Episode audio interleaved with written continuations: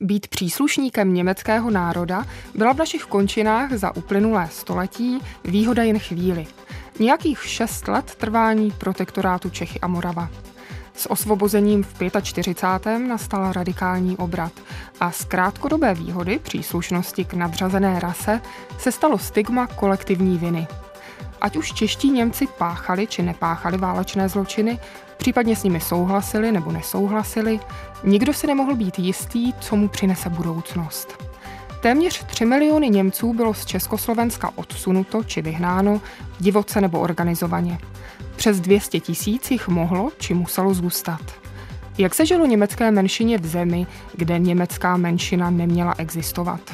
O tom více v následujícím pořadu. Vítá vás u něj Naděra Reveláková.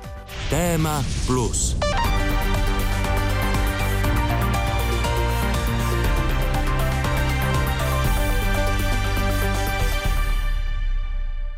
Němci v této válce a především naši Němci se ukázali mravně a charakterově takovými, že jejich společné žití z Čechy témže státě je dnes prostě nemožné. Tato slova prezidenta Edvarda Beneše zazněla při projevu v Mělníku 15. října 1945. Učinili jsme tudíž nevyhnutelný závěr, i když je pro náš hospodářský život tíživý. Naši Němci musí od nás odejít té době, pět měsíců po válce, byly z Československa v rámci takzvaného divokého odsunu už vyhnány tisíce Němců. Přesná čísla není možné dohledat. Mohlo jich být 600, ale i 800 tisíc. Stejně tak složité je vypočítat, kolik obětí si divoký odsun vyžádal. V poslední době jsme však kritizováni v mezinárodním tisku, že přesun Němců se u nás provádí nedůstojným způsobem. Děláme prý totéž, co dělali nacisté nám. Dotýkáme se tím prý své vlastní národní tradice a své dosud nedotčené mravní pověsti. Napodobujeme prý prostě nacisty v jejich krutých, necivilizovaných metodách. Ať výtky ty, drazí přátelé, jsou snad v jednotlivostech pravdivé či nikoli, prohlašuji zcela kategoricky. Naši Němci do říše musí odejít a v každém případě odejdou. Benešův projev v Mělníku můžeme považovat do jisté míry za přelomový, protože v něm pronesl i tyto věty. Celý náš postup ve věci odsunu jich do říše musí být lidský, slušný, správný morálně odůvodněný, přesně plánovaný a se všemi spojenci pevně dohodnutý. Ani zde náš národ svou pověst demokratického a lidsky důstojného režimu nesmí ničím potřísnit. Prohlásil to v plném souhlase se mnou už včera předseda vlády Firlinger, prohlásila to vláda jako celek a zdůrazňuji to dnes také já sám všechny podřízené orgány, které se proti tomu prohřeší, budou velmi rozhodně volány k pořádku. Vláda v žádném případě nemůže dovolit, aby dobrá pověst republiky byla ničena nezodpovědnými živly. I za touto částí projevu následoval potlesk, i když možná o něco vlažnější. To však nic nemění na obsahu Benešovy řeči. To byl projev, ve kterém prezident Beneš poprvé vlastně se vymezil kriticky vůči násilnostem, ke kterým pohraničí eh, po válce docházelo, vlastně odsoudil je. Hovoří historik Tomáš Dvořák z Masarykovy univerzity v Brně.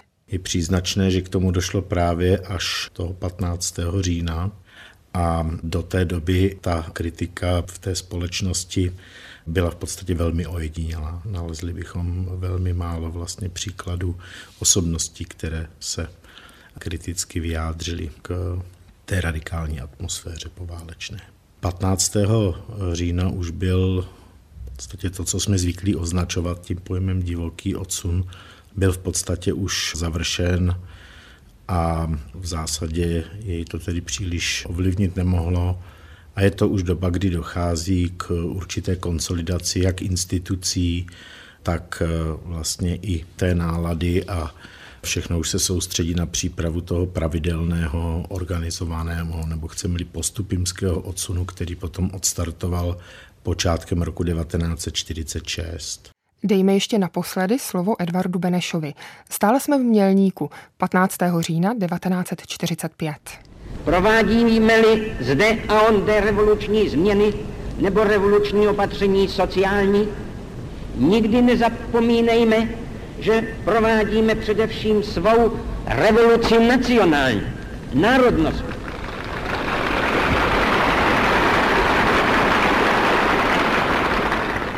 A to jsme povinni sobě, ale také všem našim generacím budoucím.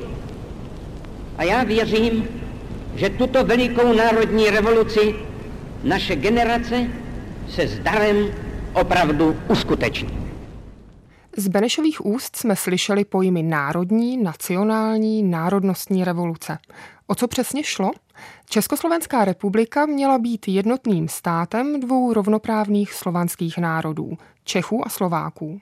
Pro jiné národnosti, natož německou, nebylo v obnoveném státě místo.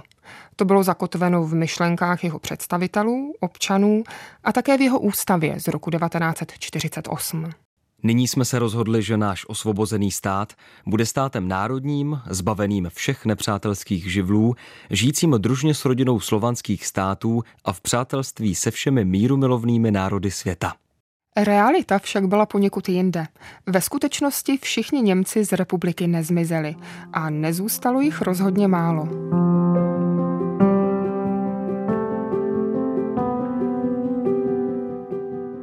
Počátku se počítalo s tím, že v Československu zůstane určitá množina sudeckých Němců a v zásadě se to týkalo tří kategorií.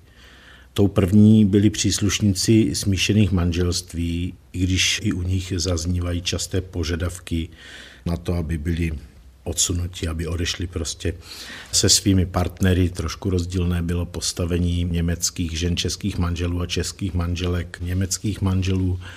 Tou druhou skupinou potom byli němečtí antifašisté, za které vlastně dobová legislativa všem považovala pouze organizované členy komunistické strany Československá a německé sociální demokracie předválečné.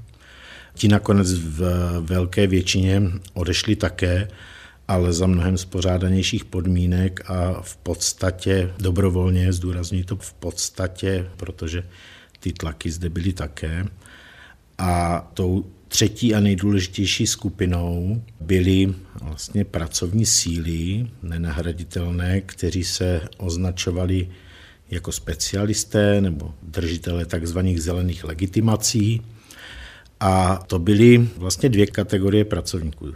Za prvé skuteční specialisté, to znamená osoby s kvalifikací, kterou by jen těžko bylo možné nahradit v nějakém krátkém časovém horizontu v průmyslových oborech, které měly významný přínos exportní. A to jsou vlastně všichni ti skláři, pasíři a výrobci hudebních nástrojů a odborníci prostě v porcelánkách a v dalších továrnách, které byly poměrně hustě přítomné právě v pohraničí. No a pak tady byla masa dělníků, kteří byli nenahraditelní z toho důvodu, že za ně nebyla náhrada, protože tu práci nechtěl nikdo dělat. A to byli horníci zejména, potom dělníci v takzvaném průmyslu kamene a zemin, to znamená především v kamenolomech. Když nastala kůrovcová kalamita po válce, tak to byli také dřevaři, lesní dělníci, a těchto lidí potom byla většina z té množiny Němců, kteří zde nakonec mohli anebo museli zůstat. Vysvětluje Tomáš Dvořák. Mezi ty, kteří zůstat museli, i když se vystěhovat chtěli, patřila například rodina Rudolfa Schnittnera. Pamatuju si, že jsme měli přidělený vagon číslo 4 a že už jsme si udělali nějaké bedny, kde ty důležité věci jsme si mohli vzít s sebou. Neuspělo to tím, že někdy v květnu národní správce, protože táta zase pracoval ve Sleváně, kde před válkou už pracoval, národní správce ten měl takovou mocnost, že to mohl okamžitě odmítnout. Já to odmítnutí ještě mám tady. Národní správce tímto potvrzuje, že vystěhování pana Šnitnala nemůže povolit, protože je to síla, která zapotřebí a český a slovenský zaměstnanci se musí zase zapracovat. Tak to byla tenkrát k mému překvapení ministerstvo vnitra to povoluje a nějaký národní správec říkal, no ne, já ho potřebuju. A to bylo vlastně dost osudný i pro můj další život, protože my jsme celou dobu čekali, že ty český a slovenský dělníci si zapracují. A já jsem taky neměl zapotřebu se naučit česky. Proč? Protože jsme čekali, že každý týden nebo každý den nebo každý měsíc to bude povoleno. V 47. roku vlastně celé to stěhování bylo zastaveno. Rudolfu Schnittnerovi se za hranice nakonec dostat podařilo, ale až jako dospělému v 60. letech. A jak vzpomíná na život v čerstvě osvobozeném Československu z pohledu německého dítěte? To víte, že ten můj život se úplně změnil. Změnil se zaprvé, že se objevil táta jako taková hlavní persona v mém životě. Za druhý, už jsme nemohli k babičce a dědovi na tu Šumavu nebo do Českého lesa jet, protože už tam prostě nebyli, jak mi bylo vysvětlo. Za třetí přišli úplně jiní lidi, nebo kluci, kterým jsem nerozuměl. To byly takové věci, které byly pro mě celkem velmi důležité. Co jsem vůbec jako nepochopil, my jsme museli vlastně veškeré takové blbosti jako sanky, lyže nebo kolo, který jsem měl, nebo hodiny, nebo fotoaparát, rádio, takové věci, ty jsme museli všechny odevzdat, což těžko vysvětlíte osmiletýmu klukovi. Nesměli jsme chodit po chodníku, museli jsme chodit uprostřed silnice, nesměli jsme jít do nějakého parku. Vím, že každou neděli jsme se museli schromáždit na náměstí, tam jsme byli, nevím, nákladním vozem nebo traktorem odvážení do lesa. Ty muži káceli stromy, ženy ty větve spalovaly nebo nesly na jedno místo. My jako děti jsme sázeli stromky. Teď by mě akorát jedno zajímalo, jestli je stromku, co jsem sázel, jestli z toho něco vyrostlo. Nevím, ani už nevím ty místa. Museli jsme jít do kina a tam nám byly pouštěny filmy z koncentračních táborů, co se odehrálo. Já nevím, jestli se dá říct, co jsem si přitom myslel je to pro malý osměletý děcko, je to něco hrozného. Vidět ty, ty haldy těch mrtvých, to nebyli jednotlivci, to byli dva nebo tři, to byly desítky nebo stovek těch mrtvol. Podobně popisovala své zkušenosti i babička Martina Zingela, který je třetí generací z řad neodsunutých českých Němců. I když jako antinacisté jeho předci mohli zůstat, i oni se potýkali se stigmatem kolektivní viny. Co pocitovala hned po válce, samozřejmě museli nosit tu bílou pásku s nápisem N, nesměla chodit po chodníku, říkala, že to bylo hrozně potupující, protože mohla chodit jenom vedle chodníku, vlastně ve škarpě, nesměla chodit do obchodu jenom ve stanovený čas pro Němce. Prostě cítila se hrozně, protože ona vždycky těžce nesla, když někde slyšela, jak vlastně se ty Němci chovali k židům jo, a co s nimi dělali. A teď vlastně to prožívala úplně to samý. A říkala, že to teda bylo dost hrozný. A teda konkrétní jakoby fyzické násilí zažila taky párkrát, říkala, že protože samozřejmě, že všichni věděli, že tady v tomto domě byli Němci zůstavší tady, takže několikrát tam nějaký mladí výrostci začali bouchat na dveře a vylezte prostě fašouni, že jo, my vás pověsíme a takový, ale to už měli oni přichystaný tak, že děda, nebo ten praděda vlastně, protože děda padl u Stalingradu, tak praděda rychle utíkal pro souseda, protože to byl ředitel školy, už jako Čech, který tam byl, velice slušný člověk a prosil ho, aby rychle přišel. No a ten, protože měl autoritu, tak ten vždycky prostě zahnal. Jo. Takže říkala, že to několikrát takhle opakovalo, ale vždycky jim nějaký zase druhý Čech, což je taky velice hezky asi pomohl. Vraťme se však ještě na samý počátek, do doby, kdy před válkou třímilionová německá menšina měla po válce z Československa úplně zmizet. Pokračuje historik Tomáš Dvořák. V roce 1946 na podzim skončil ten organizovaný odsun. Symbolicky 28. října odjel poslední transport a vládní místa ještě věděla, že tady zkrátka nějakého čtvrt milionu Němců zůstává a že američané mají ještě nějaký závazek podle dohod eh, nějaké Němce převzít další, takže se teoreticky vyjednávalo o tom dodatečném odsunu. A tím, jak se kazily mezinárodní vztahy už mezi bývalými spojenci, tak k němu už v podstatě nedošlo. A na jaře roku 1947 začínalo být jasné, že se už žádný další odsun, kromě takových slučování rodinných svazků a podobně, neodehraje.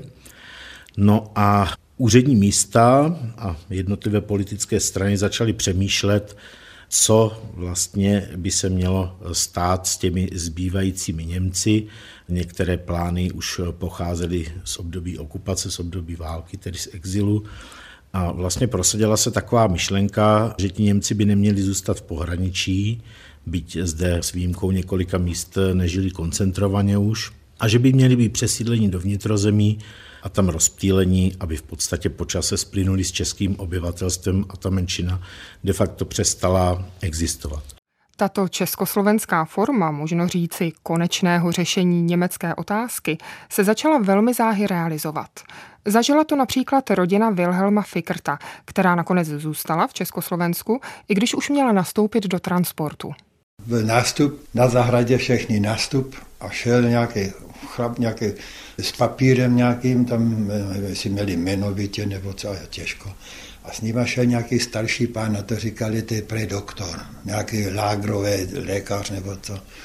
Prošel u dědečka, se zastavil u babičky, říká, kolik je vám? Děda říkal, 670. Vystoupit. On říkal, to je moje paní taky. On říkal, ty nejsou schopní transportu. A maminka říkala, to jsou moje rodiče, já se o ně starám. On mluvil německým tak šáhl do kapsy a měl takový hedvábního papíru z toho růžový strojem napsaně něco, asi dvě řádky. On říká, tohle to nikomu nedávejte do ruky, kdyby někdo přišel zastěhovat, tak tohle tomu ukažte, tomu dejte přečíst. Maminka to složila, schovala, my jsme teď vystoupili taky. Paní Fikrtovou a její dva syny transport nakonec neminul, jenže nesměřoval do Německa, ale do jeho českého tábora tak nás hnali na náměstí a tam nás pracák prodával kulakům, velkostatkářům. No a teď všichni chtěli jenom mladý, že jo. No a my jsme s maminkou a Frantovi v Mráchovi bylo devět, mě bylo třináct tenkrát. My tam byli do večera skoro do 8 hodin, nás nikdo nechtěl s dětma. No a pak nás ten mešťánek nás teda dal přes traktorem, my naložili bednu. No a vez nás asi hodinu traktorem furt přes vesnice Chomoutová lhota.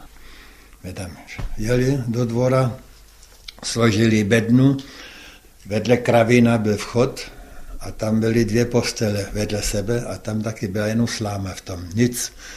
A on říkal na manželku, mámo, přines tam z konírny dvě deky, tak z konírny přinesla dvě deky, hodila na ty postele, to jsou vaše lůžka, říkal, tady budete spát. A teď hned ven za koně, kosu dal na vůz, takový ten plošiňák, a hrábě a nasedat. A jedeme pro krmení. No, tak byli někam na nějaký pole, tam jetel nebo co, dal mi kosu, abych sekal. Vlastně v životě neměl kosu v ruce. Já jsem dvakrát seknul a kosa do země, teď jsem to rukama tahal ven a on ze zadu pičem. Tak krev a on tam řval, co jsem to koupil za dobytek, on neumí držet ani kosu. Ne, já tam dostal od něj. Ráno vždycky ve tři jsme stávali do kravina s maminkou. O čtyřech jsme krmili, dojeli, šest hodin jsem mléko do Borotina dolů, do asi tak dva, tři kilometry. Tam se to odezdávalo. Vždycky prázdný konve na zpátek a v sedm hodin už jsem musel vést traktorem na poli kolikrát deset večer jsem přijel domů a ve tři ráno jsem stával do stáje. My neměli ani kamna, nic, nic, tam nebyla voda, kamna, záchod, nic. Maminka tenka, jí bylo kolik, bylo 42 a na záchod chodila na hnůj ven. Normálně ve dne v noci na hnůj venku. A my jsme se chodili ven do rybníka v zimě ze sekerkou, vysekat díru do ledu, aby jsme se mohli umýt venku. Jsem postavil večer zmrzlý kalhoty, ráno tam stály ty kalhoty, ráno zase tak jsem je. My se chodili vořejvat mezi krávy dozadu. A ráno teda řval, jo, k snídání, tak jsem tam šel a ona vždycky pekla takový dolky, ta šéfova. My se jí museli říct milost paní. A ona chodila celý rok na boso a to a milost paní. Dala mi dva ty dolky, on jeden sebral, abych prej nesloustnul, dal ho psovi. A v poledne oni jedli, a když byli po obědě, tak jejich talíře přišoupli nám a my jsme po nich okusovali kosti, oškrabali kosti. A to. A bráchovi taky, Franta, tomu bylo 9 roků, ten krmil 65 prasat. Maminka mu říká, ten kluk musí jít do školy, tak ať mu dej nažrat ve škole. On říká, u mě nedostane. Když nebude dělat, tak nedostane nažrat. On nechodil do školy. Celý dva roky, co jsme tam byli, on musel v devěti letech dopoledne vozil furt takovýhle kolečka hnoje, vařil brambory, tu musel šťouchat a, a šrot a pití a tohleto. A On celý den byl v tom prasečáku. Rodina Wilhelma Fikrta nebyla zdaleka jediná, kterou postihlo to, co historikové dnes nazývají vnitřní odsun. V letech 1947 a 1948 proběhly dvě vlny takzvaného přesunu a rozptylu Němců do vnitrozemí, který zasáhl tisíce rodin, takže v součtu šlo o desetitisíce osob. Některé dočasně, některé na několik let. A skutečně v rámci tady těch přesunů tak byly převáženy osoby do eh, různých vnitrozemských okresů, především zemědělských, kde pak docházelo k tomu, co pamětníci popisují jako sklávenmark, tedy trh s otroky, kdy si vlastně místní sedláci vybírali pracovní síly, pracovní jednotky, to znamená rodiny. Ono šlo také o jejich počet, o počet lidí, kteří tam byli práce schopní a u kterých naopak museli převzít obživu. Byl to asi velmi ponižující rituál a ti lidé skutečně, skutečně odcházeli tedy pracovat k těm sedlákům, po případě i někde do průmyslu a odsud máme velmi různorodé zprávy, Někteří to skutečně popisují jako otrocké práce a naopak jiní na to vzpomínají, když ne v dobrém, ale tak vzpomínají na to, že zde navázali vlastně nové sociální kontakty. To potvrzují i vzpomínky pamětníka. Dál byli ještě lidi od nás. V Kostelci vzadu byli taky z jedna rodina z Černího potoka a ty se měli všude takhle. Ti dostali to stejné jídlo, co oni jedli, v neděli, když byl koláč, oni dostali ke kávě ráno koláč a to všechno to stejně. A vždycky se scházeli jedno tam, jedno tam, takhle si popovídat, jo. A teď jednou přišli k nám neděli nějak odpoledne, asi ve dvě hodiny, když jsme byli hotovi v kravině a to, tak jsme měli volno neděli odpoledne. Přišla jedna rodina, druhá rodina a šéf s puškou. A ven a honem a řval tam, jak ty, kdo nevostřelí, tady žádné německé schůze nebudou. Prej. Otočili, museli odejít. A jak to s rodinou Wilhelma Fikrta nakonec dopadlo? Děda nám poslal dopis a nechal tady od někoho napsat v češtině. Já nevím, kdo mu to psal, taky asi nějaký, co tu byl za války, nějaký známý že aby jsme i hned přijeli z důvodu stěhování do NSR, jo, nebo odsunu do NSR a to že máme hned přijet, že to nařízení policií a takhle mi ukázali šéfovi, on říká, já vám dám stěhovat, tady budete dělat. Hm.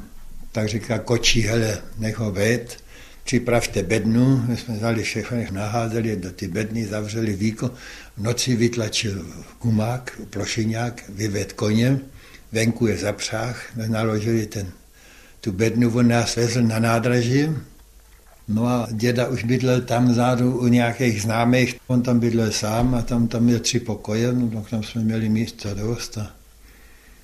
No a pak přišel ještě jedno policajt, pamatuju, bělovlasý, starší pán, přišel, zaklepal čepicí pod paži, říkal, že dávej dohromady ještě jeden transport je to ale dobrovolný. On říká, není to žádný nucený, už kdo nechce, zůstane tady.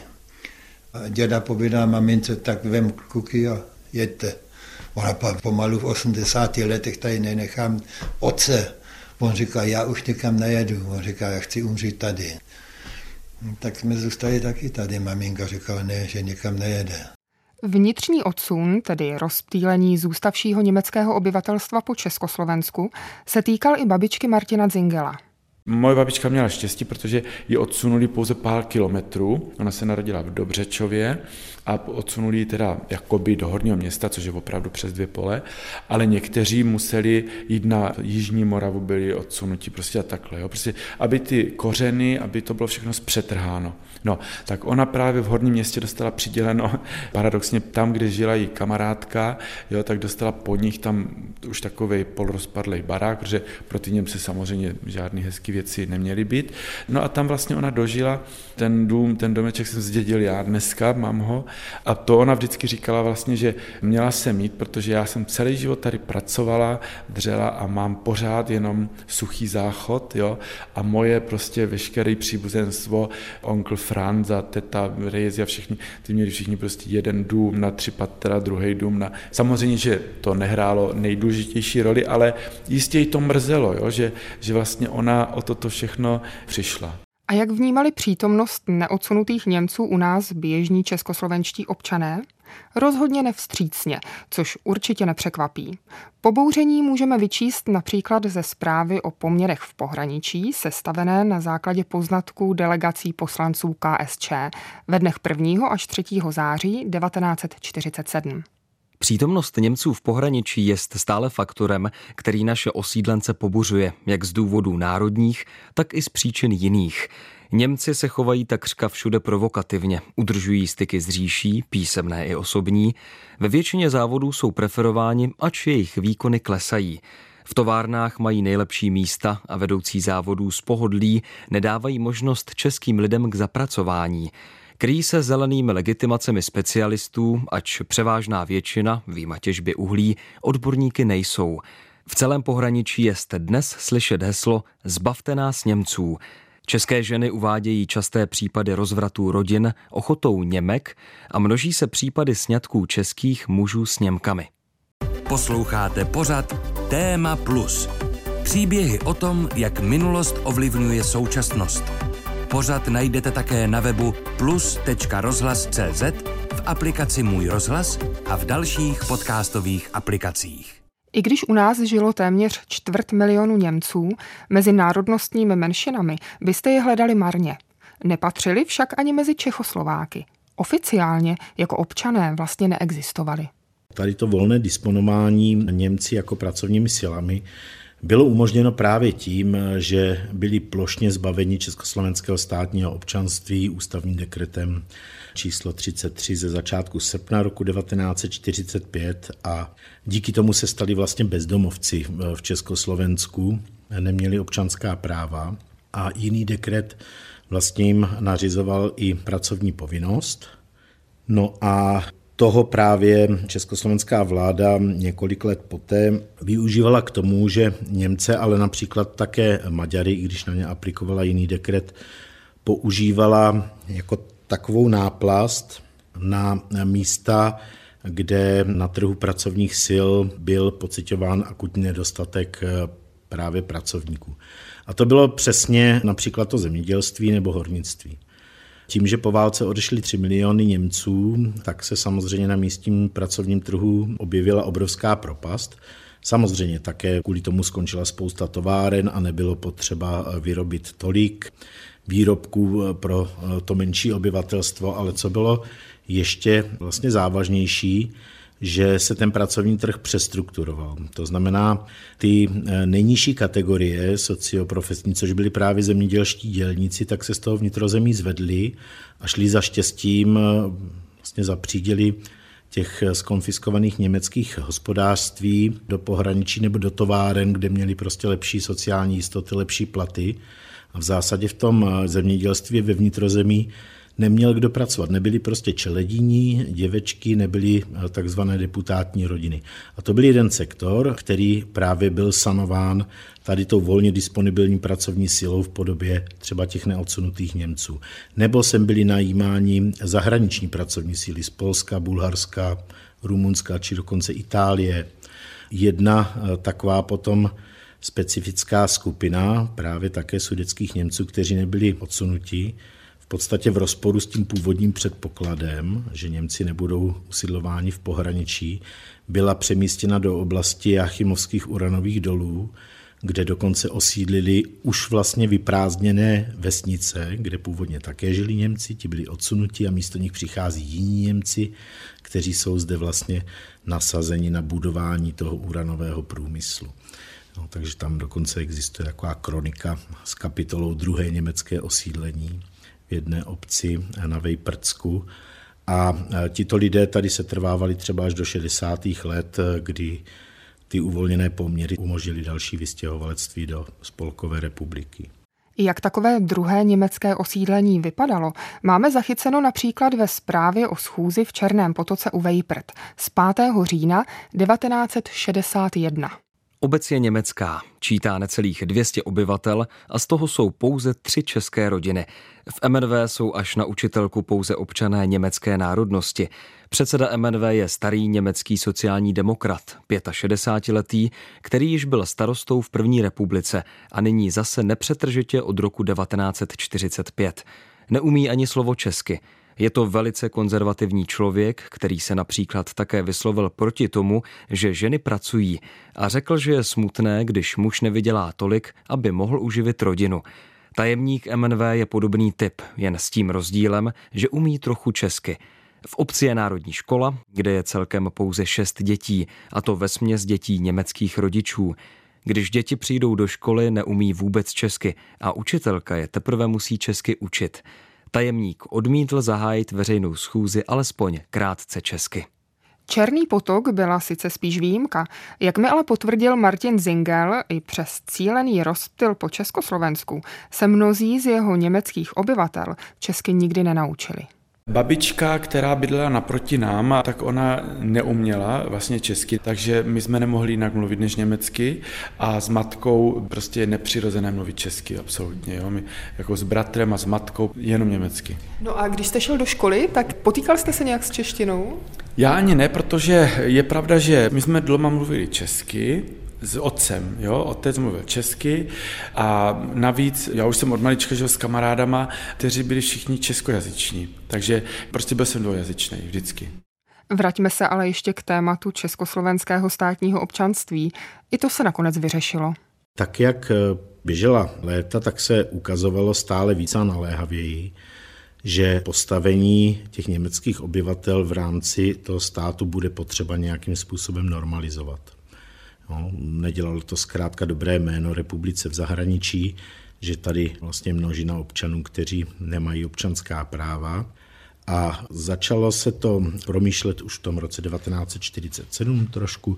V roce 1948 se vlastně vrátilo potom občanství Maďarům. U Němců to ještě nějakou dobu trvalo a zájem státu byl takový, aby ti Němci vlastně sami žádali o vrácení československého státního občanství, což vlastně ta dekretální legislativa umožňovala. Ale po únoru 1948 a nástupu stalinismu, tak samozřejmě ta ochota Němců tady setrvat eh, stále klesala a nikdo o to neměl zájem. Tam byly ve hře i takové věci, jako že mladí Němci budou muset jít na vojnu, někteří po druhé, Zkrátka ta perspektiva života v Československu komunistickém nevypadala nijak lákavě. No a dopadlo to nakonec tak, že v roce 1953 bylo všem eh, Němcům to československé státní občanství prostě přiděleno úředně.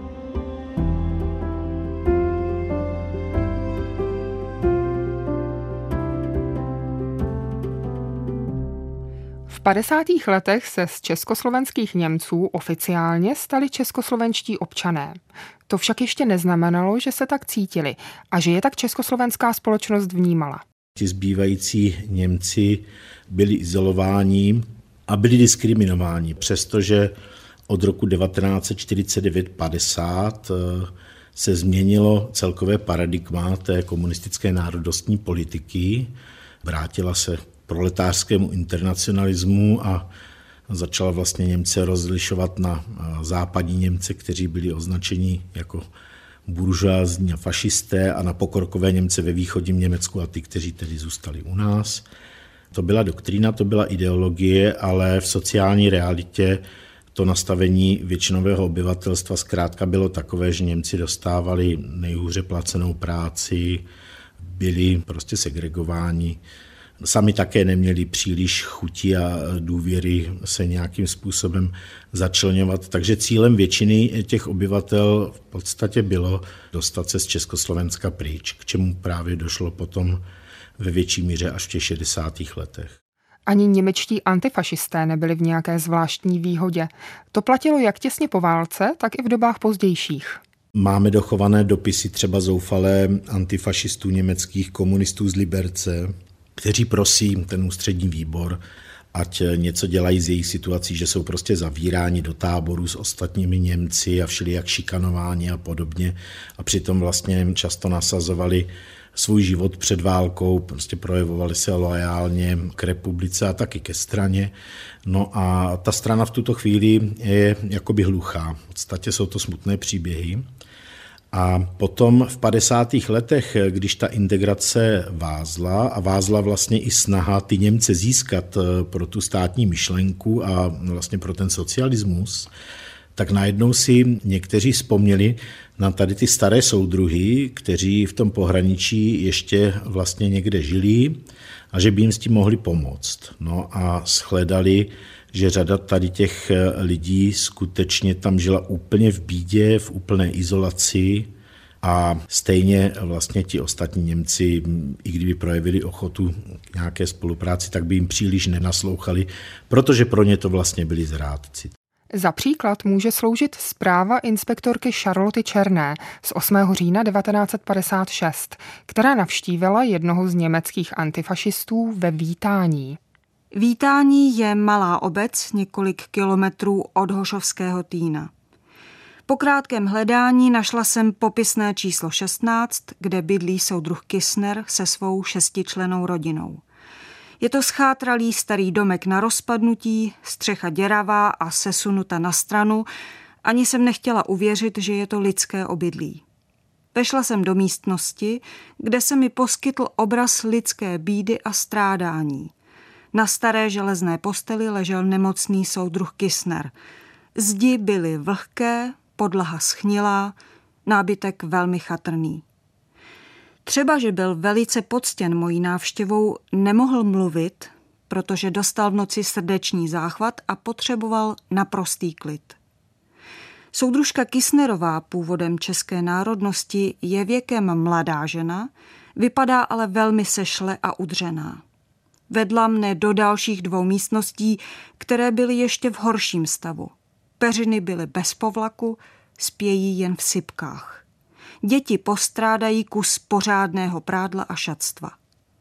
V květnu 1955 byla zde komise, složená z pracovníků hygienického a zdravotního referátu ONV, která zjistila, že domek není obyvatelný a že soudruhu Kisnerovi bude přidělen jiný byt. Od té doby uplynul již rok a půl a v této věci nebyla provedena náprava. Jestli byla náprava provedena po této zprávě, to bohužel nevíme. Jisté je, že případ soudruha Kisnera nebyl rozhodně ojedinělý. V 60. letech a s příchodem Pražského jara nastala možnost vycestovat do zahraničí a třeba tam i zůstat. Někteří ji využili, jiní ne, jako rodina Martina Zingela. Babička vlastně říkala, že v 60. letech směla vycestovat, vlastně navštívit rodinu a že jí říkali, zůstaň tady, ale měla tady nemocného tatínka, mého pradědu Karl Šenka, který už měl skoro 90 let a takže ho tady nemohla nechat samotného. A potom taky děti, kteří už se tady vdali. Moje teta Helga, nejstarší, tak ta si vzala vlastně Čecha, který taky byl dosídlenec z Hané. A pak další tety Evelí Katerína a teta Izolda, moje matka Sonja a stric Edwin si všichni tady našli potom partnery. Čili ta babička tedy z tohoto důvodu už nechtěla. Moje matka vyprávěla, že ti uvažovali nad tím, že by vlastně zůstali v Německu, v západním Německu, když navštívili rodinu, ale zase to bylo komplikované, že my jsme nesměli vědět celá rodina. Takže jednou jsem byl já, jednou bratr, to se dřív tak dělalo, aby oni zabezpečili si, že ta rodina tam celá nezůstane, že prostě jednoho si tady nechají, jo, jako rukojmího. Takže prostě k tomu nějakým způsobem nedošlo. No, uvažovali nad tím všichni, ale nějak to potom dopadlo, že tady jsme. Martin Zingel je dnes prezidentem schromáždění německých spolků v České republice. Proto jsem se ho zeptala, jak se mohli v minulosti Němci hlásit ke své kultuře. Po druhé světové válce to bylo s tou německou kulturou takže vlastně všichni ostatní nenáviděli z pochopitelných důvodů. To je jasné, protože prostě ze strany Německa se stály obrovské křivdy, takže nejdůležitější ta kultura se stala taková domovská kultura. Prostě doma se mluvilo, doma se zpívalo, doma se prostě pečovalo o tradice. Jo? Nebylo tehda jaksi běžné, že by se to nějak jako vynášelo na veřejnost. To se zlepšilo v 60. letech hlavně, kdy s příchodem Pražského jara vlastně i ta německá menšina mohla trochu ožít, v roce 1968-9 byl založen eh, Kulturverband, kulturní spolek Němců, ale bohužel přišla v zápěti na to normalizace po vstupu bratrských vojsk takzvaných a vlastně eh, tehdejší komunistická vláda řekla, že může ten spolek Němců existovat dál, ale může být aktivní pouze v oblasti hranic z DDR tehdejší jo, protože na straně DDR to byli kamarádi, jako že jo, bolševici, bolševiku a západní Němci samozřejmě to byli buržoazie, takže to ne. Neboli, jinými slovy, vlastně ten kulturverband mohl existovat, že jo, Chomutov, Ústí nad Labem, Trutnov taky a v Praze měli centrálu a jediná výjimka byla Brno, kde taky byl ten svaz jeden dovolen. To bylo až do roku 1989, no a potom po revoluci byl založen náš svaz, Zhromáždění německých spolků v Čechách, na ve Slesku, dnes Zhromáždění německých spolků v České republice. No a my jsme vlastně jakoby doplnili zbytek eh, těch území, kde ještě dnes prostě žijeme, a to znamená Jeseníky a Slesko a Opava a podobně. Čeští Němci se tak se vznikem spolků mohli otevřeně přihlásit ke svému původu. Ne všichni o to však stáli. Němci, kteří tu zůstali a zestárli potom, tak eh, vlastně skutečně z toho poválečného období v sobě pořád nesli takový strach vlastně a svým způsobem ostych eh, za to, že jsou Němci, nebo strach z toho to nějakým způsobem projevovat. Právě i eh, z důvodu, aby nebyli nějakým způsobem zase persekvováni na základě té etnické příslušnosti a Sám jsem vlastně zažil při práci s některými pamětníky v podstatě situace, kdy eh, ti lidé byli překvapeni, že se na ně vlastně obracíme, třeba jako na Němce, protože oni, oni to vlastně chtěli tajit. I když to byl právě jazyk, který německou menšinu u nás charakterizoval, který si nesli čeští Němci sebou v rámci přesunů, i když všechno ostatní museli zanechat na místě, Patří podle Martina Zingela právě jazyk mezi největší problémy, se kterými se německá menšina dodnes potýká. Když vlastně nastalo vyhnání nebo odsun, tak se zpřetrhala veškerá ta sociální infrastruktura, která tady byla vybudována, kterou má každá národnostní menšina, každý národ. Jo? Protože ty rodiny byly roztrženy, zůstaly tedy některé, nebo jenom části a bylo vlastně zakázáno vzdělávání v mateřském jazyce. Jo? Neboli to vypadá tak, že moje matka, která je 47. ročník, tak vlastně neuměla slovo česky a pak přišla ale do školy a tam zase nesměla mluvit německy. Čili nejdřív ji tahali za vlasy a namáčeli prostě do kalamáře copy a kreslili hákový kříže, všechno možně. A potom teda si tu řeč osvojila, protože děti to rychle umí, ale paradoxně dnes ona pořádně nemluví mluví spisovnou Němčinou, protože mluví jenom tak, jak jsme mluvili doma. A my ještě vlastně ty Němci tady, německojazyčné obyvatelstvo, tak my máme takové specifikum, že máme svoje dialekty, německojazyčné dialekty. Jo? Jiné dialekty jsou na Chebsku, jiné jsou v Krkonoší, jiné jsou právě u nás v Jeseníkách. Takže ona, matka, mluví dialektem. Jo? Já už jsem mladší generace, já jsem 75. ročník, takže naštěstí už byla revoluce a já už jsem mohl se zapojit do, nemám elementární vzdělávání v Němčině, ale potom už nějaké, jako jsem byl na vysoké a tam už jsme měli i gramatiku.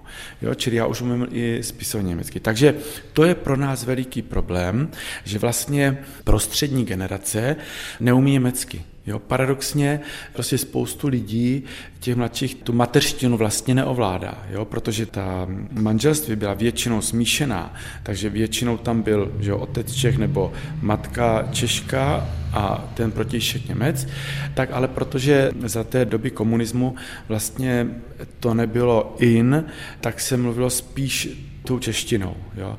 Takže paradoxně já mluvím výborně německy, samozřejmě to je moje mateřština, ale řekl bych, že o tři vlasy mluvím líp česky, protože mám školy od malička tady. Jo?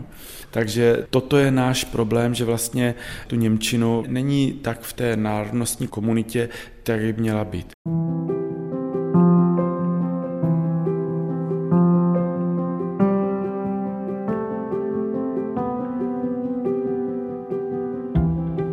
Listopadu 1989 se pro české Němce mnohé změnilo, ať už se to týká vzdělávání, svobodného pohybu či rozšíření spolkové činnosti. Zaznívala dokonce slova o omluvě za odsun, například z úst tehdy ještě prezidentského kandidáta Václava Havla, který ve vysílání Československé televize 23. prosince 1989 prohlásil. Myslím si, že by se sem nikdo z odsunutých neměl vracet, ale myslím si, že jsme povinni se Němcům, kteří byli odsunuti po druhé světové válce, omluvit.